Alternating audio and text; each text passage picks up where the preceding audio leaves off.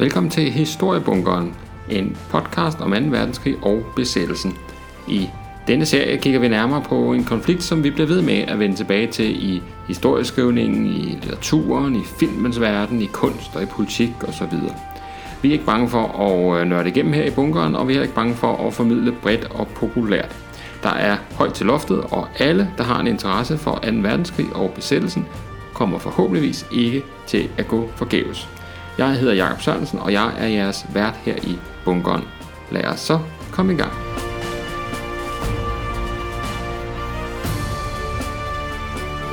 I dagens afsnit af Historiebunkeren, der skal det handle om det, man kan kalde myter og misforståelser fra besættelsen.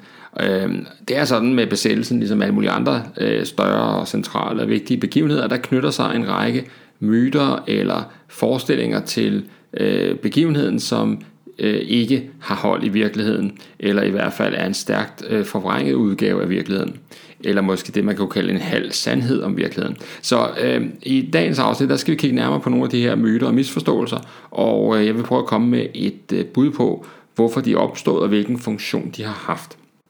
Vi skal starte med et godt eksempel på en myte, som øh, har været forholdsvis øh, sejlivet. Øh, det handler om det, man kalder øh, det fænomen, der hedder sukkersabotage. Og øh, sukkersabotage, øh, det går ud på, at øh, man øh, når man bygger øh, bunkers, og det gjorde temmelig mange danske, de såkaldte befæstningsarbejdere jo, øh, de byggede bunkers for tyskerne, især på vestkysten, og, øh, og den her sukkersabotage, den går altså i sin enkelhed ud på, at man, når man blander øh, cementen, der skal øh, støbes af, så blander man sukker i, sådan så at øh, cementen ikke har den samme, øh, kan man sige, hårdhedsgrad, som den ellers ville have haft. Og det betyder selvfølgelig, at det øjeblik, øh, at øh, bunker, den her bunker øh, bliver beskudt, jamen så vil den smuldre og falde fra hinanden, og, og slet ikke yde den sikkerhed, som, som det egentlig var, var tiltænkt. Så øh, tanken er altså, at, øh, at man ved hjælp af sukker kunne øh, så at sige øh, fjerne tyskernes forsvarsevne på vestkysten. Øh, I 2005, og øh, øh, for en historiker, der er det jo ikke længe siden. I 2005, der hørte jeg i forbindelse med øh, befrielsen i et radiointerview med en ældre kvinde, som fortalte, at, at hun i, i sin pure ungdom var med til at sukkersabotere en hel landingsbane på Aalborg flyveplads. Altså det vil sige, at, øh, at man simpelthen øh, blandede sukker i, øh, i denne her cement, der skulle bruges til landingsbanen, og så, og så ville den jo krakelere, når de tyske fly landede der. Sagen er den, og det ved alle øh, jo nok, der har været en tur på vestkysten for nylig, det er, at de her bunkers, de ligger der altså stadigvæk, og øh, der er, de viser ikke noget tegn på at være lige ved at smuldre og falde fra hinanden. Øh, efterhånden øh, er det jo temmelig, temmelig mange år siden, at øh, de blev etableret, og de, øh, cementen den holder altså endnu. Øh, Sukkersabotage er en af de her myter, øh, det har ikke fundet sted. Øh, man har fundet ud af og beregnet sig frem til, at, øh, at det vil kræve øh, nøjagtigt 528 kilo sukker at øh, sabotere en, øh, en af de typiske øh, mandskabsbunkers, som vi har på vestkysten, det der hedder en, en R622. Øh, R'et det står for Regelbau, det er jo det her, kan man sige, øh, bygningskoncept, som, øh, som øh, de tyske bunkers er etableret efter, altså sådan en slags faste type kategorier, og en øh, R622, det er en mandskabsbunker, og der skal man altså bruge, hvad der svarer til, øh, til øh, 528 øh, befæstningsarbejderes månedsration af sukker til at, øh, at sabotere den her bunker. Og Altså, det er jo, øh, kan man sige, ud over de fysiske beviser, altså at de er der endnu, så er der jo altså også øh, alene det fænomen, at, øh, at hvordan øh, skaffer man så meget sukker i et, øh, i et øh, gennemrationeret øh, øh hvad hedder det, øh, besat samfund, og hvordan får man så lige øh, fragtet det ud til, øh, til byggepladsen og blandet i det her cement.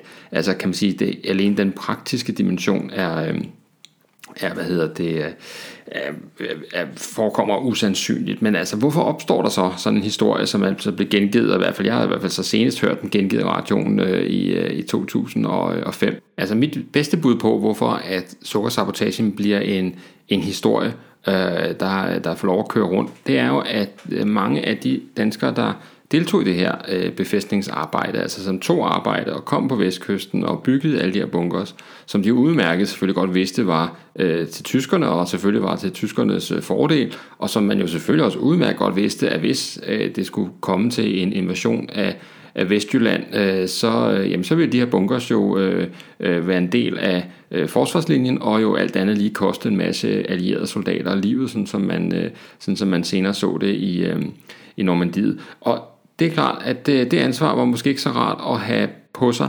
Så, øh, så hvis man nu kunne fortælle en historie, der, der på en eller anden måde kunne tage brøden af ens indsats, øh, så, øh, så var det måske ikke så galt, det man havde gjort. Og der passer sukkersabotage-myten ind. Altså der, hvor den siger, jamen, øh, ja, godt nok byggede jeg øh, bunkers øh, til, til, til jer, altså til tyskerne. Godt nok var jeg en del af det, men øh, jeg sørgede altså for, at øh, de ikke fungerede efter hensigten. Øh, men altså, øh, vi har jo fundet ud af, at øh, det passer ikke. Der er ikke, er ikke blandet sukker i de her, øh, det her cement. Øh, de smuldrer ikke væk. Alle de her ting, det ved vi udmærket. Øh, men historien øh, myten øh, findes altså stadigvæk øh, derude. Øh, når man arbejder med, med myter og, øh, og, og sådan halve sandheder, og jo også en vis udstrækning med konspirationer i, øh, i sådan en historisk sammenhæng, så kan man sige, altså man kan bruge sådan et billede, hvis man skal prøve at forstå, hvad det er, øh, hvad det er der foregår. Øh, og det er et billede af en, øh, ud fra en skov, hvor der ligger et øh, væltet træ. Altså, I skal forestille jer et, øh, et træ, der er væltet, og roden er mm, sådan røget med op, og så ligger træ, træstammen der hen over den sti, man kommer gående på. Og øh, det er øh, dagen efter en øh, kraftig storm, og nu er man så ud og gå i skoven, og træet er væltet. Men hvad er der i virkeligheden sket? Og der kan man sige, der kan være nogle forskellige forklaringsmuligheder. Man kan sige, et, Øh, det kan være, at øh, det er stormen, øh, der var dagen før. Det kan være, at den storm, der har væltet træet. Det kan også godt være, at, og det kan være måske hvad skal man sige, løsningen, eller hvad hedder det, forklaring nummer to, at, at det er sådan nogle rumvæsener, der har været forbi landets mulm og mørke og, og væltet træet. Det kan også være forklaring nummer tre, det kan være, at at øh, træet er væltet som et, øh, som et øh, signal sendt øh, direkte fra Gud eller en eller anden form for overnaturlig øh, skikkelse for at øh, advare folk mod at bevæge sig i skoven. Det kan også godt være, og forklaring nummer 4, at øh, det er ganske vist stormen, der væltede træet, men øh, det væltede fordi, at øh, skovens ejer, altså øh, den person, som, øh, som ejer det jord, man bevæger sig rundt på, han, øh, han i små bidder har fjernet øh, jord fra skovbunden, sådan så at, øh, at øh, røddernes greb med tiden er blevet svækket, og så har han gjort med vilje skoven usikker for besøgende, fordi han er træt af, at der er folk, der går rundt i hans, øh, i hans skov fire øh, forklaringer på, hvordan at øh, træet må kunne have været væltet, og øh, øh, fire forklaringer, som, øh, som hver især vil, øh, vil kan man sige, øh, øh, ja, tilfredsstille vores øh, undren over, hvorfor at der ligger et øh, væltet træ midt hen over stien i den skov, vi plejer at gå på. Øh, der er jo lidt forskel på de her fire forklaringsmodeller, det må man nok sige, og, øh, og øh, altså øh, det som vi siger os historikere, sådan med en bred kamp, og selvfølgelig også masser af almindelige mennesker, det er jo altså, at det er jo typisk, typisk er den enkle forklaring, som er den rigtige. Altså den mest simple forklaring er altid at foretrække, fordi det erfaringsmæssigt viser sig, at det oftest er den rigtige forklaring. Og øh, det vil sige, forklaring nummer et, det er stormen, der har væltet træet. Det er den simple øh, enkle forklaring, og det er sandsynligvis også den rigtige. Jo flere øh, detaljer og jo flere kan man sige øh, led, der kommer på øh, på hvad hedder det øh, de her forklaringsmodeller, jo mere usandsynlige bliver de. Altså, det vil sige, hvis man, øh, hvis man skal vælge mellem, om det er stormen, der har væltet træet, eller om det er stormen, der har væltet træet, fordi skovens ejer øh, hen over årene bevidst har løsnet skovbunden for at gøre den så usikker som muligt for, at den vej at skræmme folk fra at bevæge sig i skoven, så kan vi sige, forklaring nummer et, den er øh, simpel og sandsynlig. Forklaring nummer to er kompliceret og øh, indviklet og altså af den grund usandsynlige. Og så er der så de andre forklaringsmodeller med øh, rumvæsener og øh, guddommelige indgriben, som man jo så kan øh, alt efter øh, temperament øh, have tillid til eller ej. Men øh, tilbage står i hvert fald, at øh, den simple forklaring, det er langt i langt de fleste tilfælde den rigtige. Og det er et princip, som øh, vi kalder øh, Ockhams ravekniv, altså en, øh, et princip, der altså har at gøre med øh, en... Øh, en middelalderfigur, øh, William af Ockham, som, øh, William af Ockham, som i 1300-tallet øh, formulerede denne her øh, øh, forudsætning, altså at, øh, at hvad hedder det, øh, den, øh, den antagelse med færrest forudsætninger er den bedste. Og, øh, og det princip, det, det kan man altså øh, bruge ret langt hen ad vejen, når man skal øh, kigge på øh, det, vi kalder myter og halve sandheder om øh, besættelsen eller mulige andre perioder. Altså, hvad er, øh, hvad er den sandsynlige, øh, hvad er den mest sandsynlige øh, forklaring på noget? Og øh, i øh, eksemplet med øh, sukkersabotagen, som jeg startede øh, programmet med her, jamen øh, det er klart, at øh, den øh, simple forklaring, det er jo altså, at folk øh, var øh, lidt måske i pinligt berørte, eller havde det skidt med, at, på forskellige måder med, at de havde været med til at bygge bunkers for besættelsen, og derfor øh, distancerede de sig fra det. Øh, den noget mere indviklede forklaring på sukkersabotagen er jo altså, at man øh, møjsommeligt samler sukkerrationer øh, sammen fra hundredvis af folk og øh, smuler dem ind i, øh, i, i, i cementbeholdere og alt muligt andet. Altså, det er simpelthen bare øh, usandsynligt. Så øh, øh vi prøver her i dag at, øh, at kigge nærmere på nogle af de her øh, myter og halve sandheder, og øh, og man kan måske lige starte med sådan helt kort lige at tage en lille smule om, hvad en myte er. Og det er jo sådan, kan man sige, øh, en forklaring på en begivenhed eller på nogle omstændigheder, som helt eller delvist er i strid med fakta. Øh, og øh, en myte vil ofte give et meget forenklet billede af en, øh, en sammenhæng, og, øh, og den bliver ofte sådan fodret, eller kan man sige, finder næring ved at øh, afsløre en eller anden form for øh, Øh, bagvedliggende sandhed, typisk om nogle magthavere eller om en samfundselite eller måske en bestemt gruppe i samfundet. Altså at der i mange af de her myter er sådan et, et element af, øh, af afsløring øh, involveret, og der er også et os og dem element, altså at, øh, at vi øh, som befolkningen er blevet ført bag lyset af øh, dem som magthavere for eksempel. Og øh, og så er der øh, også typisk øh, øh, mange af det, vi kalder cirkelargumenter, i, øh, i, når vi har med myter at gøre. Cirkelargumenter, det vil sige, det er altså øh, argumenter, som, som går i ring, fordi at, øh, og bare hør, altså hør her, altså hvis der, der er jo ikke nogen beviser, og det er jo, øh, det er jo netop fordi, at, øh, øh, at de ikke vil have, at vi skal vide noget. Ikke?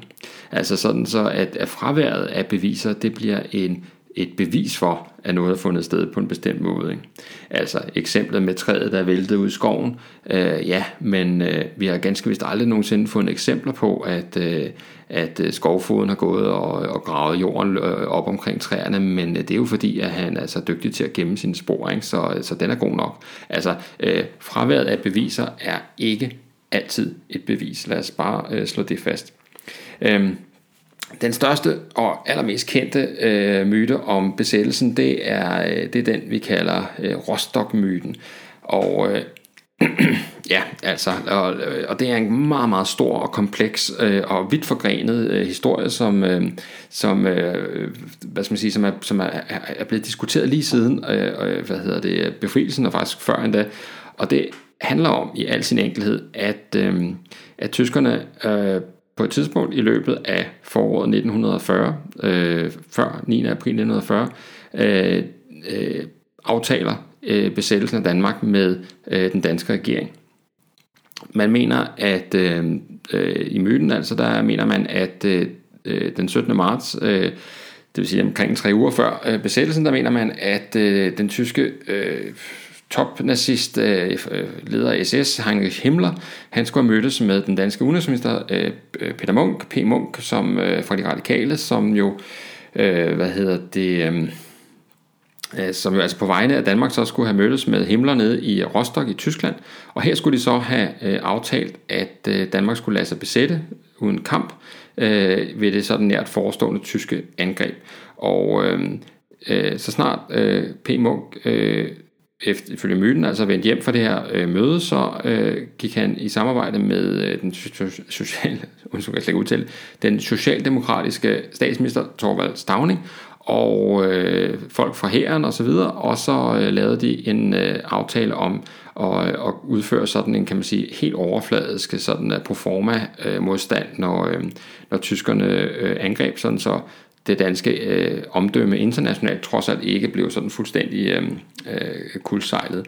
Og øh, Øh, en del af øh, myten er altså også, at, øh, at øh, P. Munk øh, skulle være blevet presset til at, øh, at hvad hedder det, indgå i denne her aftale, fordi at øh, tyskerne havde en klemme på hans søn, øh, som var homoseksuel, og som, øh, øh som øh, ikke ville blive frigivet, i, øh, for han skulle sidde i tysk fængsel, og han ville altså ikke blive løsladt, hvis ikke at, øh, at øh, P. Munk gik med til at lade Danmark besætte uden øh, egentlig øh, kamp. Øh, der er også en øh, anden udlægning, nemlig at Tyskland, øh, det nazistiske Tyskland, øh, altså lovede Danmark, øh, den danske regering, at man skulle øh, få lov til at øh, blive siddende efter besættelsen, altså sådan som det øh, kom til at gå i virkeligheden med samarbejdspolitikken, hvis, øh, hvis man... Øh, hvis man altså øh, gik med på at lade Danmark besætte på den måde, det kom til at ske 9. april 1940.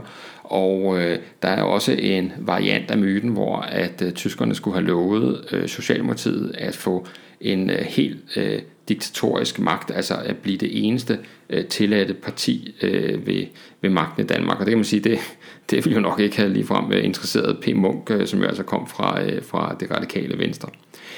Øh, det interessante, den her Rostock-myte, som er en meget sejlivet myte, og som man ser dukke op igen og igen, det er altså at, øh, at finde ud af, hvor er det egentlig, den kommer fra. Altså, hvor udspringer tanken om, at øh, besættelsen af Danmark skulle have været aftalt spil mellem Danmark og, øh, og Tyskland. Altså, hvad er det øh, for en... Øh, hvad er det for en, øh, hvad skal man sige, hvad er det for en motivation, der ligger bag den her historie. Og det vi kan se, det er, at, øh, at myten faktisk har sit udgangspunkt, måske sådan et overraskende sted, men øh, i øh, de nazistiske kredse i Danmark, øh, der ser vi, at myten opstå. Øh, og, øh, og øh, funktionen for myten er altså, at øh, som man vurderer det i hvert fald, er, at den ligesom havde, havde til formål at og sværte systemet til, altså ligesom at påpege, at det politiske system i Danmark var rådent. Se bare her, øh, de har øh, aftalt øh, med Tyskland at lade sig besætte, bare for at få lov til at blive ved magten på den måde. Altså øh, en måde ligesom at illustrere, at det her demokratiske system, som, som øh, de danske nazister jo ikke ligefrem frem var øh, begejstrede for, det var et pilrådende og moralsk angribeligt system af, af folk, der kun tænkte på deres egne interesser. Øh, vi ser øh, tilsvarende øh, myter i de andre besatte lande. Det er ikke et dansk fænomen, at der er sådan en slags dolkestødslegende, der, der opstår i, øh, i hvad hedder det, øh, i, øh, i, i kølvandet på, øh, på en besættelse. I 1950'erne, der, der fik Rostockmyten sådan en... Altså noget af, kan man sige, altså mange overskrifter. Øh, især øh, var det øh, Jon Galster, øh, som hed gymnasielærer, som, øh, som øh, øh, skrev bøger om, øh, skrev en bog, der hedder Den 9. april øh, 1940, en sand myte, som, øh, som handler om, øh, om Rostock-myten her, og øh, han øh, var meget aktiv foredragsholder og debattør og alt muligt andet, og han, han øh, øh, rejste altså rundt i landet og fortalte den her historie, hvor han øh, sådan øh, afslørede de her forskellige sådan øh, de her forskellige, øh, de her forskellige øh, svigt, som han, som han så det, og i en sådan grad, at han faktisk øh, i 1957 blev dømt for, øh, for en jury, fordi han, øh, han ikke rigtig kan, øh, han ikke helt kan sandsynliggøre hans, hans udlægning. Men altså, det lukker ikke Rostock-myten ned, den bliver tværtimod ved med at eksistere, og man ser også sådan forskellige steder, at den, den dukker op også den dag i dag. det er vigtigt at slå fast, at det, der ikke er nogen, øh, kan man sige, øh, beviser for, at, øh, at, øh, at øh, P. Munk skulle have været i Tyskland og mødes med øh, Heinrich Himmler. Øh, og øh, man kan jo også spørge sig selv om det logiske i, at, øh, at øh, en leder af SS, Heinrich Himmler, som jo altså faktisk intet har med besættelsen af Danmark at gøre, han er slet ikke i nærheden af planlægning og noget som helst, hvorfor han øh, skal være manden, der skal mødes med P. Munk, og øh, man kan også undre sig over, hvorfor at en, øh, et, øh, en nation som Tyskland, der, der planlægger et angreb på en anden nation, øh, føler sig kaldet til at briefe øh, pågældende øh, lands øh, udenrigsminister om, hvad man har tænkt sig. Altså det giver simpelthen ikke nogen mening øh, militært, at, øh, at, at man vil risikere øh, så lang tid før øh, man egentlig skulle have besat landet, at, øh, at på nogen måde nævne ens intentioner. Jeg mener, hvis øh, i princippet, hvis man gav den danske her øh, tre uger til at øh, forberede stillinger i Sønderjylland, så ville det ikke være helt så nemt at rulle over grænsen, som det viste sig øh, 9. april 1940. Så man kan sige, som, altså ud fra sådan en kan man sige, logik, øh, militær fornuft og alt muligt andet, så giver det ingen som helst mening at, øh, at henvende sig forud for, øh, for hvad hedder det, sådan et angreb her. Men altså, øh, ikke desto mindre, så øh, er Rostock-myten altså en af de øh, helt store øh, historier, som, øh, som, hvad hedder det, som, som øh, får lov til at, øh, hvad hedder det, øh, at fylde meget faktisk i, øh, i efterkrigstiden, øh, og, og som er med til også at, øh, og, og undergrave tilliden til øh, politikerne, samarbejdsregeringen, det politiske system, og i princippet altså også øh, demokratiet. Øh, fordi at, øh, at hvis øh, de kunne finde på det, Altså hvis de kunne finde på at sælge Danmark øh, forud for øh, besættelsen, hvad kunne de så ellers finde på? Ikke? Og, og det, er altså, det er altså noget, som, øh, øh som, som man kan sige, som er utrolig svært øh, faktisk at afvise som, øh, som seriøs historiker, og, øh, fordi at øh, her har vi øh, pointen med øh, fraværet af beviser. Ikke? Altså ja, øh, bare fordi at man ikke kan finde nogen beviser i, eller nogle dokumenter i arkiverne, som støtter det her, det er jo bare udtryk for, at, øh, at det her bliver holdt hemmeligt. Ikke? Så altså fraværet ved øh, tilhængerne af Rostock-myten, fraværet af, af hvad hedder det... Øh, af, af, af bevismateriale af understreger altså bare, at det her foregik i virkeligheden. Ikke? Så altså, øh, der må vi sige, øh, her kan vi godt tillade os igen at, øh, og kaste os over Ockhams øh, ravkniv og sige, øh, jamen hvad er øh, den øh, simple forklaring her? Jo, det er, at øh, Danmark blev øh, besat 9. april 1940 uden foregående varsel, fordi at man naturligvis ikke som angribende part kunne finde på at øh, inddrage øh, modstanderen direkte i planlægningen. Altså det giver simpelthen ingen militær mening, øh, og, øh, og øh, alt andet, hvad der indgår i, i Rostock-myten, det er jo altså bare, kan man sige, afledt, øh, afledte øh, skøre indfald. Men altså, øh, den eksisterer, den findes derude, og, øh, og hvis man øh, konsulterer nogle af øh, Facebook-sider og alt muligt andet, som, som diskuterer de her ting, så, øh, så, øh, så, så øh, dukker det nogle gange op i, øh, i sammenhæng, hvor folk de ved alt muligt om, øh, hvordan tingene er foregået eller ikke er foregået. Og øh, ja, man må jo bare øh, nok lige i det her tilfælde trække lidt på skulderen og sige, at øh, det er altså øh, helt usandsynligt, at øh, tyskerne skulle have øh, fundet det interessant at fortælle den danske regering om, hvad man havde tænkt sig.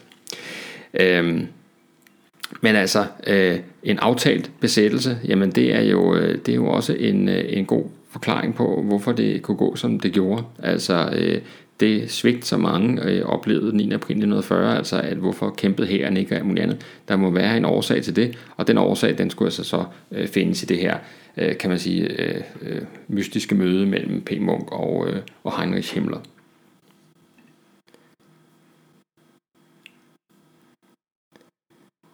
Kigger vi på øh, besættelsestiden generelt, øh, og øh, det er altså kun fem års Danmarks historie, så er der blevet skrevet mere end 15.000 bøger og tidsskriftartikler om, om de her år. Og arkiverne er både de private og statslige osv. er blevet pløjet igennem på kryds og tværs, og, og selvom der dukker nye ting op med en mellemrum, så må vi sige, at vi har ikke nogen øh, periode i Danmarks historie, som er så veludforsket som, øh, som besættelsen. Øh, vi ved rigtig, rigtig meget om, hvad der skete dengang, og, øh, og, øh, og vi står, kan man sige, på et meget solidt øh, grundlag, når vi, øh, når vi sådan udtaler os om, øh, om besættelsestiden.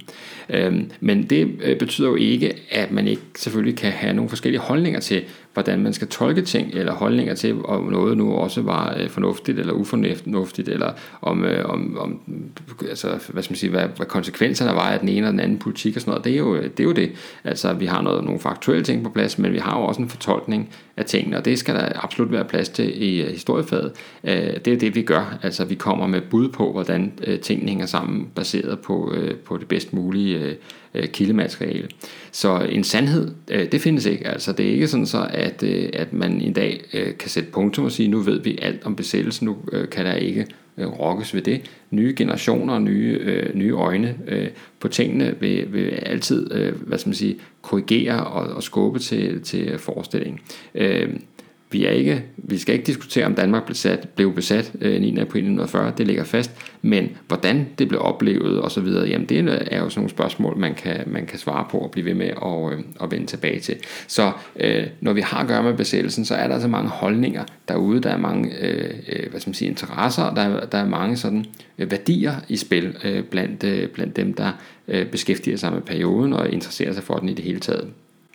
Og øh, der har også været en vis tendens til, at man gerne vil placere noget ansvar øh, for, hvordan det kunne gå, som det gik. Og nu siger Rostock-myten er en måde at placere et ansvar på. En anden, som vi ganske ofte ser, øh, det er jo øh, en fremstilling af perioden, hvor man betoner øh, det svigt, øh, som øh, regeringen, altså Socialdemokratiet og de radikale, den regering, som sidder fra, som sidder fra altså 1929 frem øh, til, øh, til besættelsen, altså at det på en eller anden måde var øh, den regerings ansvar, at, øh, at øh, der ikke var nogen her til at, øh, at forsvare Danmark. Altså at, øh, og det er jo øh, fuldstændig velkendt og fuldstændig rigtigt, at øh, Socialdemokratiet og især øh, de radikale var jo antimilitaristisk øh, indstillet og ønskede ikke en, øh, at bruge mange penge på en, på en stor hær og, og ønskede ikke at bruge, kan man sige, øh, militære midler til at løse konflikter osv. osv. Øh, så det er jo ikke fordi, at, øh, at øh, man har nogle sådan virkelig markante øh, forsvarsvenner i øh, i det radikale eller øh, Socialdemokratiets øh, partier. Men øh, øh, derfor øh, må man nu også sige, at lægge hele ansvaret for, at den danske her ikke var kan man sige, på niveau, øh, hvis, man, hvis man skulle forestille sig det, altså på niveau med den tyske her eller andres øh, 9. april 1940, så må man også kigge måske lidt længere tilbage og se, hvordan gjorde foregående regeringer egentlig med, øh, med, øh, med hæren. Og, og der kan man se, at vi har en, en venstre regering under Niels, øh, Niels Nergård, som øh, i 1922 for eksempel reducerer hærens budget med, øh, med en, en fjerdedel, og, og, øh, og flådens med, med noget tilsvarende, og, øh, og hæren så i perioden fra 22 og frem til, til 32 går fra 52 øh, bataljoner til, øh, til 24, altså en, en markant, øh, kan man sige, øh, reduktion af hæren, og vi kan også se, altså, at, at Danmark jo generelt efter 1864, nederlaget i 1864 og frem, jo altså på intet tidspunkt indretter sig som en, som en moderne her, altså som en, kan man sige sådan en, en, en, en øh, her, som, som vil være i stand til offensive opgaver og så videre. Det er en, er en forsvarshær, og det er en her, som i stigende grad skal bruges som neutralitetsværn og andet. Og, og det, at Danmark også under Første Verdenskrig og så videre, i, og i resten af mellemkrigstiden, er, er en, en nation, som ikke militært skal spille nogen rolle. Det er der altså, det er ikke sådan, så det er rent og alene er et øh, socialdemokratisk øh, radikalt synspunkt, så man kan sige, den proces, som i 30'erne øh, fører til en yderligere reduktion af, af, af her og forsvar osv., den har altså sat i gang for inden, og det er ikke sådan så, at, øh, at man under under venstre konservative regeringer, inden, øh, inden Stavning kommer til øh, øh, sådan booster øh, budgettet for her og flåde eller noget som helst. Det, det er ikke tilfældet. Øh, det er en benhård øh, prioritering øh, af ressourcer, og, øh, og den prioritering den går altså mellem jamen, øh, øh vi har jo andre opgaver, vi har andre, staten har andre udgifter, og, og, og der vælger man altså at bruge en del af midlerne til det og spare altså på, på her og flåde. Så øh, den her, som som står over for øh, den tyske her 9. april 1940, altså en produkt af en lang, lang, lang øh, spareøvelse og en lang, lang, lang øh, prioritering af øh, andre muligheder end de militære. Øhm, og det knytter sig også meget sammen til en, øh, en forestilling, man ofte øh, ser, nemlig at man skulle have kæmpet noget mere den 9. april 1940, at øh, kampene var for korte og, øh, og, øh, og nærmest pinlige, Øhm, og, øh, og der må man sige, at det, det kunne man givetvis godt have gjort. Altså man kunne jo især have gjort det, hvis man øh, lidt tidligere havde øh, etableret øh, nogle forsvarsstillinger osv., men øh, det valgte, valgte man altså ikke at gøre. Men det kunne man givetvis have gjort. Men øh, i sådan en forsvarskamp, der må man altid spørge sig selv, hvad er formålet øh, med øh, at forsvare sig? Altså hvad er endemålet her? Og øh, vi befinder os i en øh, periode af 2. verdenskrig, som, øh, som, hvor det ene og alene går fremad for tyskerne. Øh, hvem var det, der skulle hjælpe Danmark i sådan en situation? Man kan sige, at øh, øh, øh Sovjetunionen er jo øh, hvis vi bare tager starter fra den af, Sovjetunionen har jo altså på det her tidspunkt en ikke-angrebspagt med, med Tyskland. USA, øh, den anden af de store senere allierede, øh, på det her tidspunkt er jo altså ude for krigen, er jo, er jo ikke en del af, af 2. verdenskrig, tværtimod. Øh, så er der Frankrig og Storbritannien, som jo altså efter angrebet på Polen i øh, september 39 erklærer krig mod Tyskland, men som jo ikke, kan man sige, offensivt gør noget særligt ved, øh, ved Tyskland. Altså man opmarcherer langs... Øh, øh, langs grænsen og etablere stillinger i Belgien osv., men, øh, men altså, øh, man kalder det jo den forlorene krig, altså den, den falske krig, og det gør man jo altså fordi, at der sker næsten ikke nogen kamphandlinger på Vestfronten.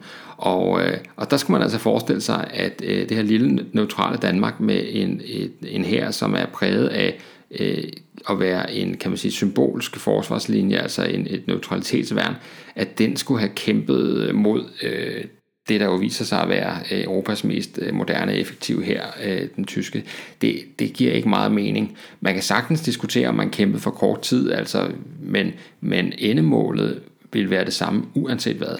Så det man egentlig diskuterer, når man kommer med den holdning, det er jo, hvor mange skulle have været dræbt, før vi sådan øh, bedre kunne acceptere nederlaget. Altså, Øh, der døde jo ikke så mange, der døde 16 soldater, og 21 blev såret, øh, men øh, altså, skulle det have været dobbelt så mange, øh, fem gange, 10 gange så mange, eller hvad, før man, man ligesom indså, at nu, øh, nu var det slut.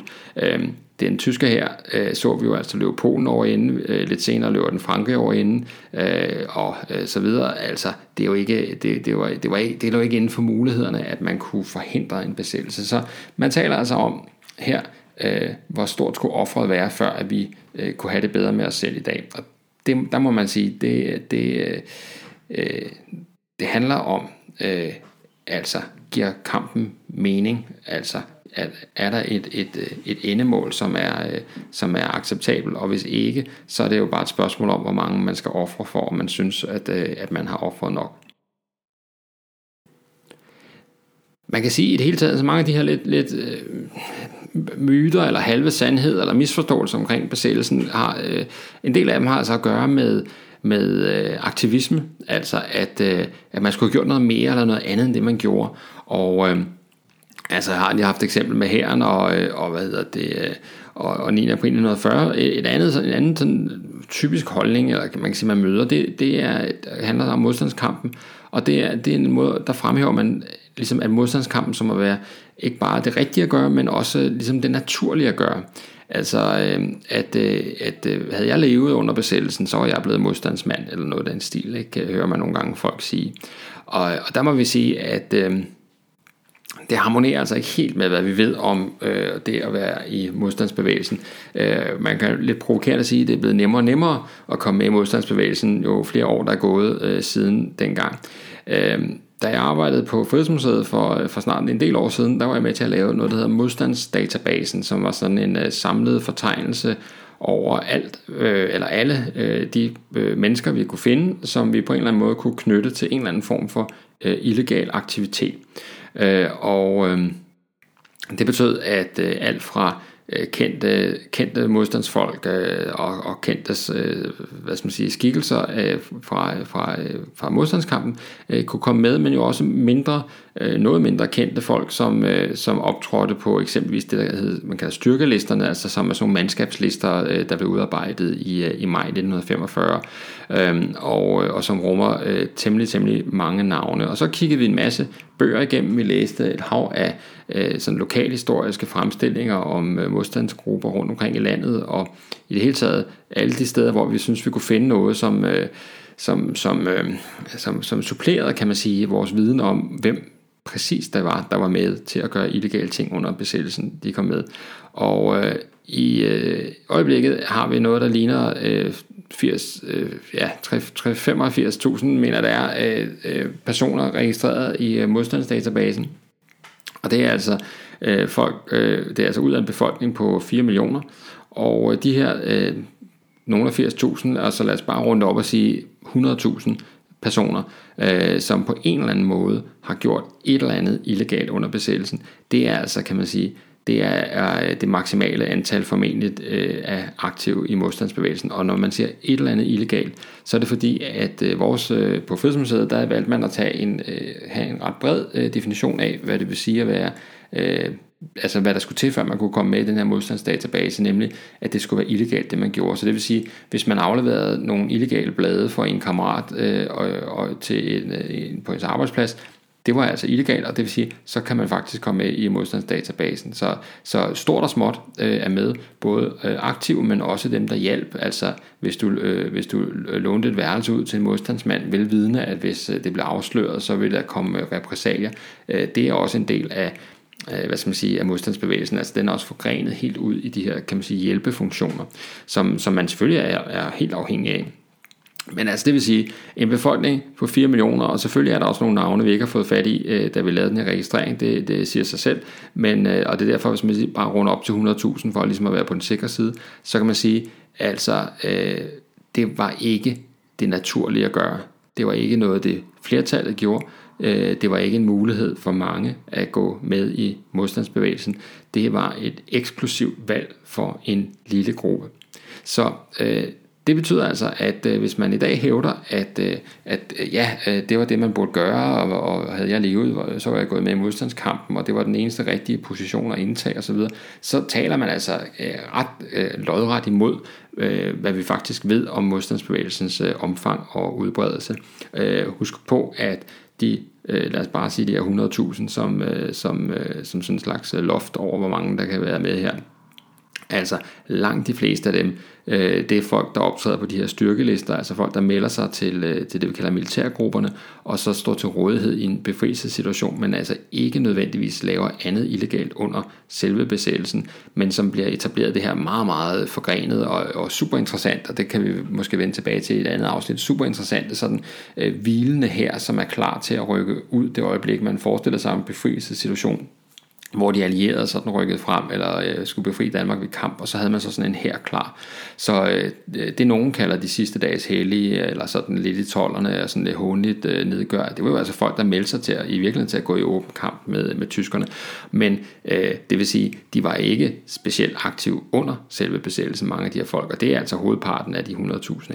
Så øh, naturligt at gå til modstand, ja, men det er kun naturligt for en meget, meget, meget lille gruppe af, øh, af, af det danske befolkning. I, øh, i øh, 2013 der skrev øh, Rasmus Bæk i øh, Politiken, Rasmus Bæk som er sådan en øh, journalist, øh, sportsjournalist og alt muligt andet journalist i, øh, i Politiken, som skriver der, så, så skriver han så, øhm, Øh, hvad vil jeg selv have gjort? Øh, vil jeg være glæde med og få det bedste ud af omstændighederne, bare være passiv og vente på krigens udfald, eller vil jeg have haft modet til at gå ind i modstandskampen? Jeg bilder mig ind, at jeg ville have haft anstændigheden nok til at melde mig til undergrundsarbejdet.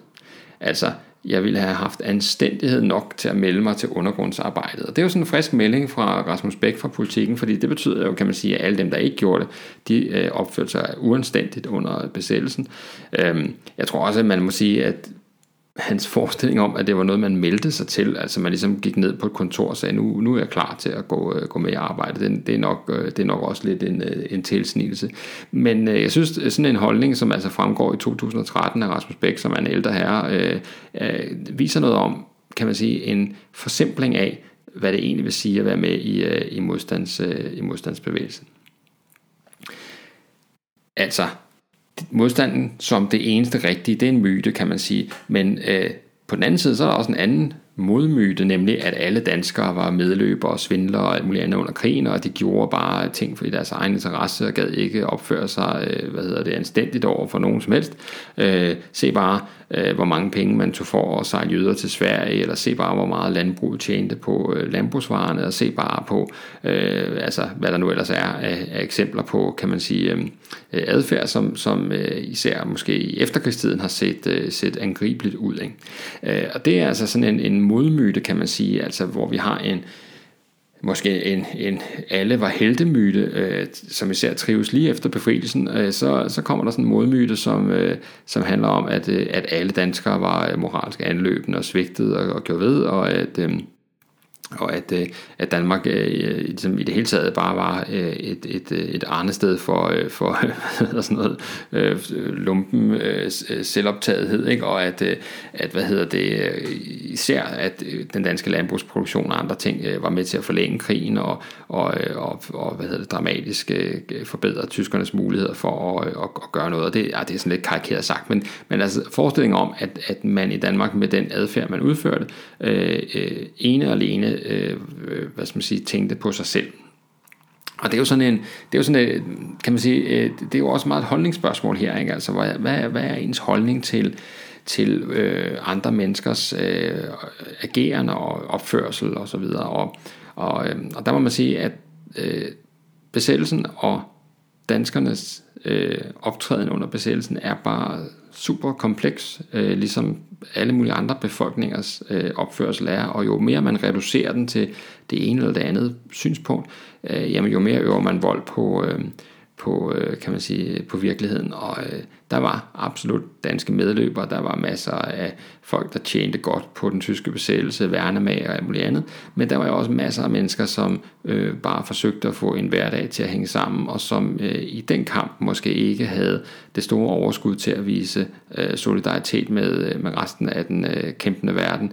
Øh, det er øh, altså ikke øh, så nemt at agere sort-hvidt i det her spørgsmål. Kigger man på øh, de fiskere, som sejlede jøder til Sverige, jamen øh, det er klart, øh, rigtig, rigtig mange af dem tog penge for det, du tog også mange penge for det, men øh, øh hvad var der sket, hvis de var blevet taget undervejs? Altså, det er livsfarligt arbejde, det, skal der, det er måske ikke urimeligt at få en eller anden form for øh, kompensation for det. Øh, og den diskussion, den er svær, og der er ikke nogen simple svar, det vil jeg heller ikke sige, at, øh, at jeg øh, ligger inde med, men at øh, fremstille øh, dansk danskerne som gruppe, som nogen, der svigtede og var medløb under besættelsen, det er endnu en af de her øh, øh, forvredende fremstillinger af fortiden, som man ikke kan, øh, som man ikke rigtig kan, kan bruge til noget.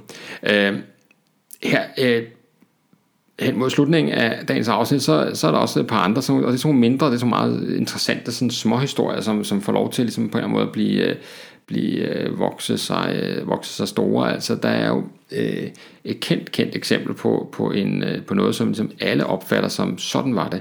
Øh, det er det her med, at man ikke måtte lytte til engelsk radio under besættelsen. Der blev sendt øh, danske udsendelser på BBC, som man kunne, kunne lytte til i Danmark. Og, øh, og øh, det er, var faktisk sådan under besættelsen, at der var ikke noget forbud mod at høre engelsk radio i Danmark. Det måtte man gerne.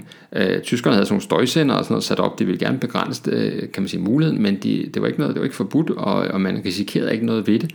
Øh, og sådan var det i Danmark, sådan var det ikke i Norge for eksempel. I Norge måtte man ikke høre engelsk radio, og der gjorde man det, at, øh, at man beslaglagde øh, private øh, radioapparater. Men øh, for mange danskere, der blev det opfattet som sådan næsten en, næsten en slags modstand, øh, modstandshandling at, øh, at høre radio. Altså her trodser vi besættelsesmagten, og det har altså fået givet sådan en kollektiv opfattelse af, at det, at det, at det var forbudt og farligt og sådan noget. Men det var det altså ikke. Øh, det var, det var fuldt, øh, fuldt lovligt. Og så er der en anden møde, som især har trives, og sikkert også stadigvæk øh, trives rundt omkring i, øh, i, i udlandet, og det er jo det her med, at Christian 10. på hans daglige ridetur rundt omkring i København, bar øh, jødestjerne, altså i sympati med, øh, med, øh, med de danske jøder og, og jøder generelt, øh, som øh, jo blev udsat for de mest øh, uhyrlige ting øh, under 2. verdenskrig, jamen så bar han den her øh, jødestjerne, og der, der findes lige frem en amerikansk børnebog, der hedder The Yellow Star, som, øh, som øh, fortæller den her historie, en tegneserie. Men øh, Altså sagen er jo altså, at øh, Christian bare ikke jødestjerne, og det gjorde øh, de danske jøder i Danmark jo altså heller ikke øh, øh, som en øh, undtagelse for til øh, andre besatte lande, så, så var der ikke noget tysk krav om det her. Altså jøderne skulle ikke, kan man sige, synliggøre øh, sig selv øh, i, i gadebilledet. Men, øh, men hvordan kan sådan en historie så opstå, sådan en forestilling om, at, øh, at kongen øh, på en eller anden måde er... Øh, er, er trodser besættelsesmagten ved at gøre rundt med den her stjerne, og det er noget, altså især hvis man møder amerikanske turister, som kommer til Danmark, øh, så, så har, har det rigtig mange af dem hørt den her historie, og, og tror på, øh, på, at det var sådan, det, øh, øh sådan det foregik. Øh, men altså, hvor det kommer fra, øh, det ved man ikke rigtigt. Altså, man kan i Christian Tines dagbog, der kan man læse sådan en passage, hvor han, hvor han, hvor han hvad hedder det, hvor han reflekterer noget omkring de her, de her krav, der, der man risikerer over for, øh, for de danske jøder, og så, øh, og så hvad hedder det, øh, Og der siger han så, at hvis et sådan krav, altså det her med, at de skulle, de skulle gå med, med jødestjerne, hvis, et, hvis et sådan krav rejstes, øh, i møde gik vi det bedst ved, at vi alle anlagde Davidstjernen, altså sådan en tanke om, at så kunne man ligesom, så kunne jøderne måske sådan um, drukne i et hav af, af jødestjerner, så man alligevel ikke kunne se, hvem der var hvem. Men om det er ud fra den her dagbogsnotits, at det er vokset til at blive, øh, til at blive sådan en, øh, en hvad hedder det, øh, en historie, det, det, det tør jeg ikke sige. Øh, til sidst øh, er der en, øh, en anden myte, som faktisk også øh, fungerer i vild udstrækning, eller eksisterer i vild udstrækning omkring øh, besættelsen. Det er, øh, det har ikke så meget med selve besættelsen at gøre, men det har noget at gøre med historien om besættelsen. Og den handler om, at øh, de danske arkiver er lukket. Altså det er en forestilling om, at... Øh, at systemet, altså det vil sige statens arkiver, øh, det vi kalder Rigsarkivet, sådan i dagligt tale, at statens arkiver på en eller anden måde øh, siden 45 har øh, beskyttet øh, systemet mod, øh, mod borgerne ved at, øh, at holde øh, de danske, øh, det, det arkivmateriale, der findes fra besættelsestiden, ved at holde det hemmeligt for os. Og øh, der må man sige, at øh, ja, både og. Altså fordi på den ene side, så er det fuldstændig rigtigt, at øh, der er jo en arkivlov i Danmark, og den arkivlov øh, har jo nogle forskellige øh, klausuleringer, som det hedder, altså at øh, arkivmateriale af forskellige typer er klausuleret i forskellige perioder, alt efter hvor, hvor følsomt det er, kan man sige. Og, øh, og det betyder, at, øh, at øh, for eksempel oplysninger om Øh, Øh, private personers øh, private forhold osv., jamen de er klausuleret en vis periode, før man kan få lov at kigge i dem. Øh, og, og det øh, har jo blevet, er jo blevet oplevet af mange som om, at øh, det har, de, de har holdt hemmeligt for dem. Altså de har ikke haft adgang til de her oplysninger, så derfor så har nogen jo holdt dem hemmeligt, i stedet for at man tænker, det er fordi det har vi en arkivlov til, som er ens for alle og gælder alle mulige andre perioders historie også. Øhm, så øh, i dag er det jo faktisk sådan, at nærmest alle af statens arkivers øh, hvad hedder det, materiale om besættelsen er øh, frit tilgængelige og har været det længe. Øhm, Ulempen er selvfølgelig, at det ikke altid er, altså det er ikke ligesom bare at gå ned i, øh, på biblioteket og så øh, finde bogen på hylden og så slå op på side 35 og se, hvad der står. Arkivmateriale er sådan oftest jo lidt mere kompliceret at finde rundt i, og derfor har mange jo nok øh, løbet panden lidt mod en mur, når de skulle finde materialet på, på Rigsarkivet. Men altså, det er der, og det er tilgængeligt, og, øh, og, øh, og det er ikke øh, mere eller mindre tilgængeligt end andre historiske perioder. Det er simpelthen et spørgsmål om, hvor lang tid der er gået fra, øh, fra hvad hedder det, begivenheden sker, og til man øh, kan få lov til at kigge i det. Øh, det er lidt anderledes omkring privatarkiver, og øh, fordi privatarkiver, der kan giveren, altså den, der afleverer privatarkivet til, øh, til myndighederne, typisk ligger det jo på Rigsarkivet eller andre øh, landsarkiver eller lignende, øhm, jamen så kan man jo faktisk øh, bestemme, hvor lang tid det skal være hemmeligt, men det er jo altså så giveren, der har gjort det, altså det vil sige, det er ikke staten, der har bestemt det, det her må I ikke kigge det er personen, som afleverer det, som siger, at der skal gå 100 år, eller der skal gå 75 år, eller hvad det nu kan være. Og, og faktisk så er nok det øh, arkiv, som har givet mest anledning til, at der er den her opfattelse af, at arkiverne er lukket, fordi der bliver værnet om sandheden, det er øh, det, er det der hedder Frihedsfonden, altså som er en, øh, var en privat forening, som... Øh, som samlede øh, oplysninger ind om modstandsfolk, omkring 17.000 modstandsfolk, fordi at, øh, at øh, de, skulle have øh, arbejdsskadeerstatning, og, øh, og man ville også give dem øh, særlig hedersbevisning, altså give dem sådan nogle penge osv. Og alt det her materiale er selvfølgelig super følsomt, fordi det handler om, hvordan folk har haft det efter krigen med dårlige nerver, søvnproblemer, druk, øh, selvmordsforsøg, alle de her øh, ting, som, som er øh, udløber af, en, af, en, af traumer, de har fået i forbindelse med, med modstandskampen. Øh, Frihedsfonden blev stiftet i øh, 45, 1945 af Frihedsrådet og øh, blev lukket i 1900 1995. Øhm, øh, og da man lukkede det, der besluttede man, for, besluttede man at øh, arkiverne først skulle åbnes for, altså, øh, for offentligheden øh, i 2077. Øh, og øh, det er en eneste undtagelse, der er for det, det er, øh, hvis øh, materialet skal indgå i kan man sige, forskningsprojekter, øh, og det skal være forskningsprojekter på et vist niveau. Men det er jo altså, øh, det er jo altså kan man sige, øh, modstandsbevægelsen, om man så må sige, selv, der har bestemt det her. Så, øh, så igen, Altså myten om, at der skulle være sådan en slags øh, beskyttelse af sandheden fra systemets side, det er altså, øh, det er altså hvad skal man sige, ikke rigtigt. Og, øh, og, øh, og det, der kommer tættest på, jamen der er det jo faktisk, øh, kan man sige, modstandsbevægelsens øh, aftager selv, der har, øh, der har besluttet sig for, at de her oplysninger er simpelthen for, øh, for private til, at alle enhver bare kan få lov at kigge i dem.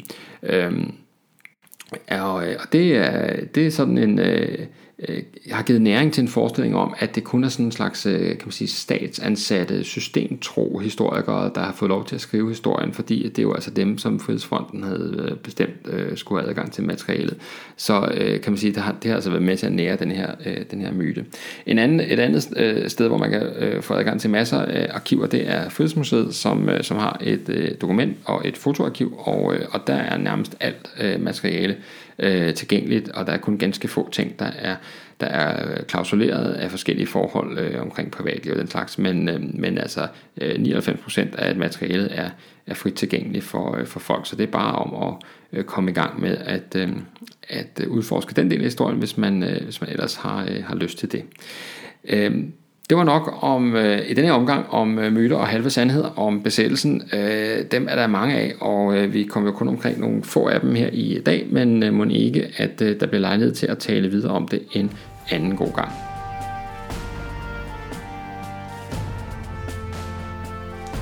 Det var dagens afsnit. Øh, tak fordi du lyttede med. Det er øh, fuldstændig gratis og, øh, at lytte med til Historiebunkeren. Øh, jeg er kun glad for, at nogen øh, har lyst til at høre, hvad jeg har at sige.